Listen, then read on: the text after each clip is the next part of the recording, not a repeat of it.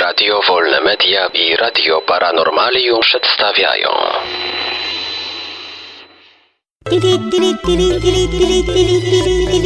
Dziwne informacje.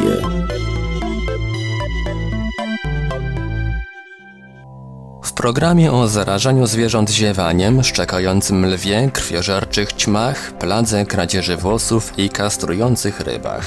Panie, panowie i obojnaki, a także rybacy, wędkarze i pływacy naturyści zapraszamy do wysłuchania dziwnych informacji. Ziewanie zaraźliwe nie tylko u ludzi. Powszechnie wiadomo, że ziewanie jest zaraźliwe. Uah. Czasami wystarczy o nim pomyśleć, aby zacząć ziewać. Okazuje się, że na ziewanie reagują psy. Naukowcy z Uniwersytetu w Tokio w ramach eksperymentu przeanalizowali reakcję 25 psów na ziewanie swoich opiekunów, obcych ludzi oraz na symulację ziewania. Okazało się, że zwierzęta częściej reagowały na ziewnięcia swojego opiekuna niż innej osoby. Zdaniem naukowców wynika to bardziej z empatii niż ze znudzenia lub stresu.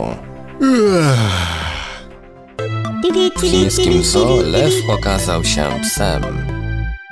Osoby odwiedzające chińskie zoo zaczęły podejrzewać kierownictwo o oszustwo, gdy zwierzę przedstawione jako lew afrykański zaczęło na ich oczach szczekać. Chińskie media podają, że ogród zoologiczny zastąpił prawdziwego lwa mastifem tybetańskim, której to rasy psy, dzięki futru, czasami przypominają lwy. Przedstawiciel zoo znajdującego się w prowincji Enan wyjaśnił, że należący do jednego z robotników pies został umieszczony w klatce, podczas gdy prawdziwego lwa wysłano do innego zoo. Jak widać, Chińczycy potrafią sfałszować dosłownie wszystko, nawet lwa.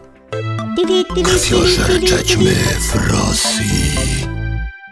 Na Syberii w lasach nieopodal granicy z Chinami odkryto gatunek ciem karmiących się krwią.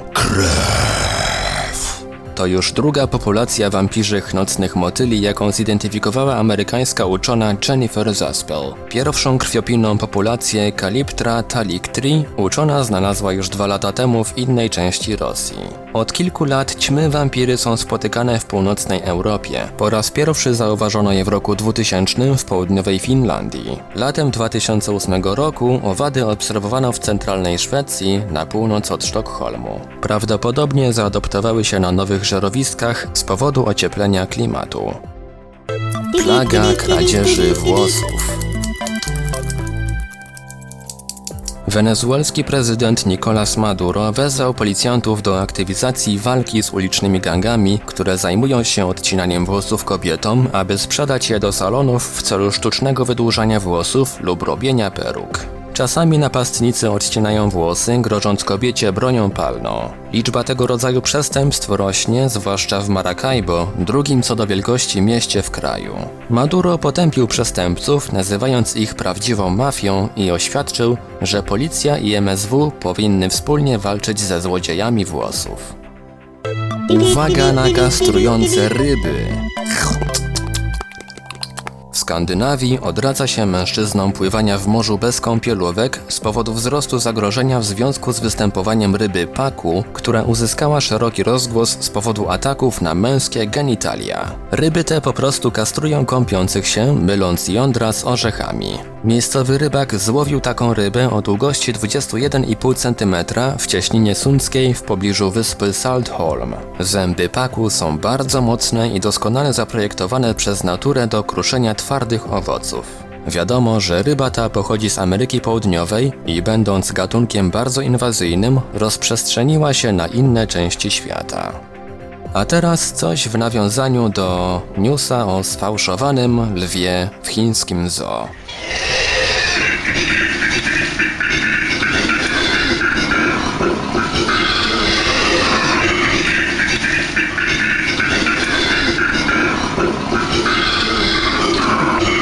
Ten miś koala jest bardzo zdenerwowany, bo właśnie dowiedział się, że następne dziwne informacje dopiero za tydzień. Dziwne informacje. Wiadomości czytał Ivelios.